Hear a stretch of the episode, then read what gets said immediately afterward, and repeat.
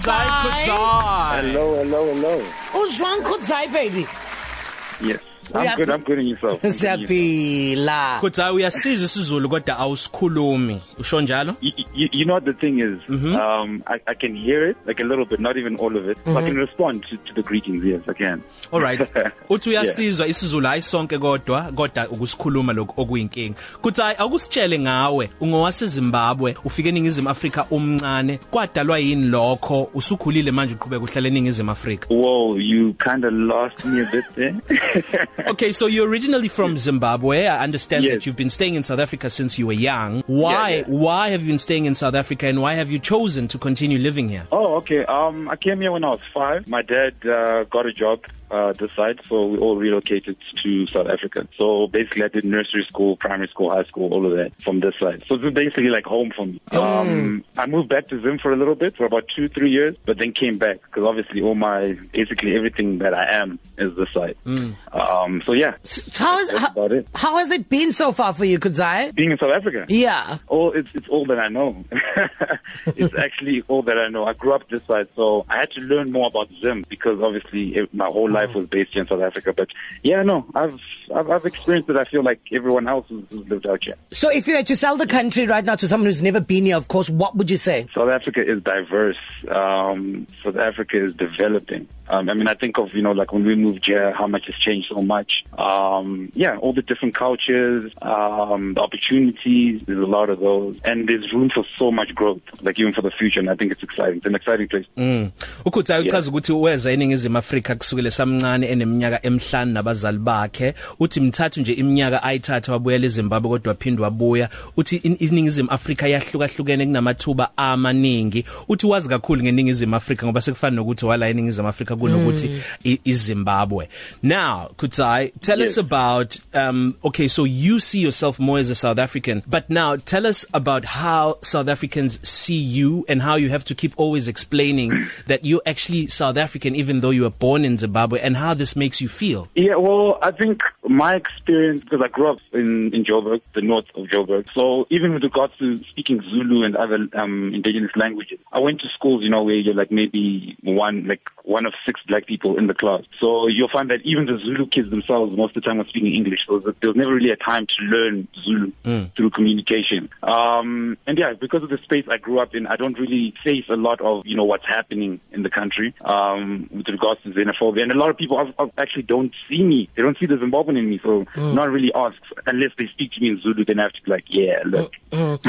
So igama lakho lichaza ukuthini? What does your name mean? Kudzai means honor. The full name is Kudzai Ishe, which means honor God. oh wow Yeah, that's that's that's the meaning. Yeah, I actually changed to that maybe three years ago because I was using Donald. Donald's my second name. Oh wow. So obviously, when I was in primary school, apparently the white kids couldn't say Kudzai. So we went with Donald. But you know, at some point in my life, I decided that you know I want, I wanted to bring it back home. Ukutha igama lakhe lichaza ukuthi hlonipha yazisa uNkulunkulu walishintsha igama lakhe kwaku Donald wakhetha ukusebenzisa igama elithi Kutsai tell us about you do what what what you do man I understand that you're in motivational speaking you're also a model Yeah, part time, part time, part time. Um, I'm actually I'm a booking agent and a road manager. Um, I do that. That's what like my main thing. The modeling and motivational speaking is more something that I'm passionate about. So I do my spare time. Like last year, I did a um, campaign for Old Mutual. I was in the World Cup advert. Um, yeah, and it's something that I just do simultaneously. with you were in the I- FIFA World Cup advert the DSTV one. Yeah, Oh, wow. One. Yeah, Awesome. I don't know if you've seen it when when guys go into the the house and they all arrive. And I Oh, think I do yes, yes I've seen it. yes yes yes Yeah, yeah. If if you watch it again, I'm that guy in the middle.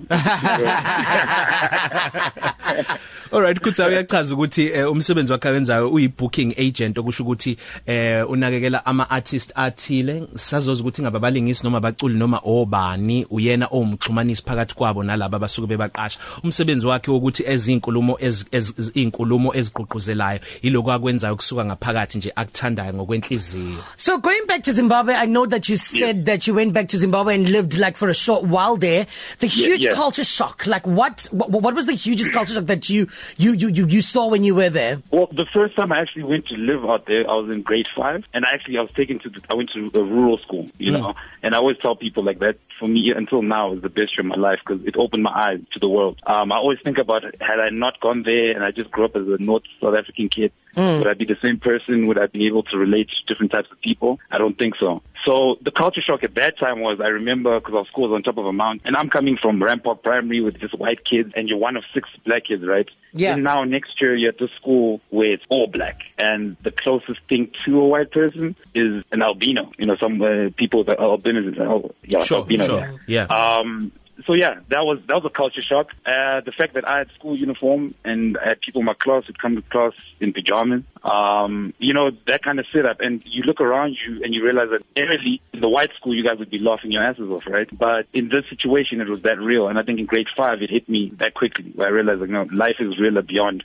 my reality. Um, In other words, so you'd say South Africa is a better country to live in uh, for an African. for an African, well, look, I think I mean SA's got its own rural areas, right? Sure. Yeah, definitely. So I'm, I'm pretty, I'm pretty sure the same stories could come out of there. Um, maybe even not, I won't say worse, but yeah. Um, so, but in terms of opportunity, definitely, I haven't been to other countries, so I can't really, you know, rate. But from my experience comparing Zim and South Africa, um, yeah, yeah, Mm. yeah, the opportunities are, are here. akushoyo ukhudzayi njengamanje ukuthi ngesikhathi esuka eyohlala eZimbabwe kule minyaka emithathu wayesuka eyingane emnyama ehlala esilungwini wayeZimbabwe endaweni yasemakhaya uthi wathuka izinga lempilo nezinto ezenzakalayo kwaqala wakwasa ngokunye kuyena ukubuka ukuthi kanti emhlabeni abantu bahlukene kangakanani ngoba yena wayengakaza kubone ukuhlupheka nokuswela ngalendlela uthi angeke asho ukuthi iningizimu Afrika izwe elingcono ukuphila kulo kwizwekazi Afrika kodwa nakanjani ngokwamathuba linamathuba amaningi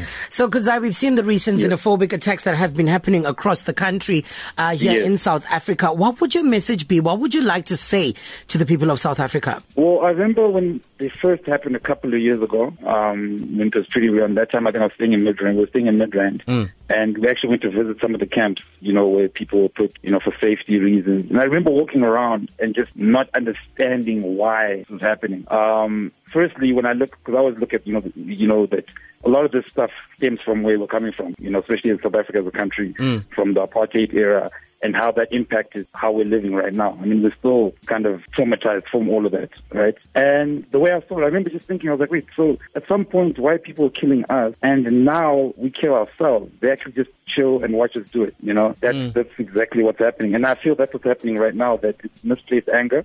Um, and as much as I, as, as, as a Zimbabwean, as much as I look at it, you know, it was wrong and whatnot, I also do see the other side of why it's happening. Not that it's right, Sure. but the, frust- the frustrations of the other side. Mm, mm. And I think right now, with where the economy is, you know, people not finding jobs, people get desperate, you know, and the closest, I guess, that they can latch out to is the fellow African brothers and sisters, because the other white guy, the white guy, who's seen as a foreign, uh, who's seen as a tourist and not a foreign, too far away from them. And I guess the way we've also been conditioned to fear white people, people won't approach white people with the same attitude as they do a black person. Yeah, yeah. Kudzai, thank Yeah. you so much for your time, man, and we wish you nothing but the best. I'd like Thank to sit so in one much. of your motivational talks man Yeah. teach me a thing or Oh two yeah, no, no, please, please come through. I'm going to follow you guys on Twitter. I'm already following you on Instagram. I'm in your page right now. Oh, hey. yeah, no, we'll, we'll definitely talk um, when I come out to Durban. Yeah, we'll, we'll do that. Thanks a we'll lot, have man. One-on-one motivational ones and start from there. thanks a lot man been great talking to you Thank you for having me. ukhuthayi ke loyo uthe umefika eThekwini uzositshela khona sizozothamela izinkulumo zakhe ezakhaya iGlobal Citizen yethu yanamhlanje ukhuthayi Moreriwa. Ilunch yakho ayifani neyizolo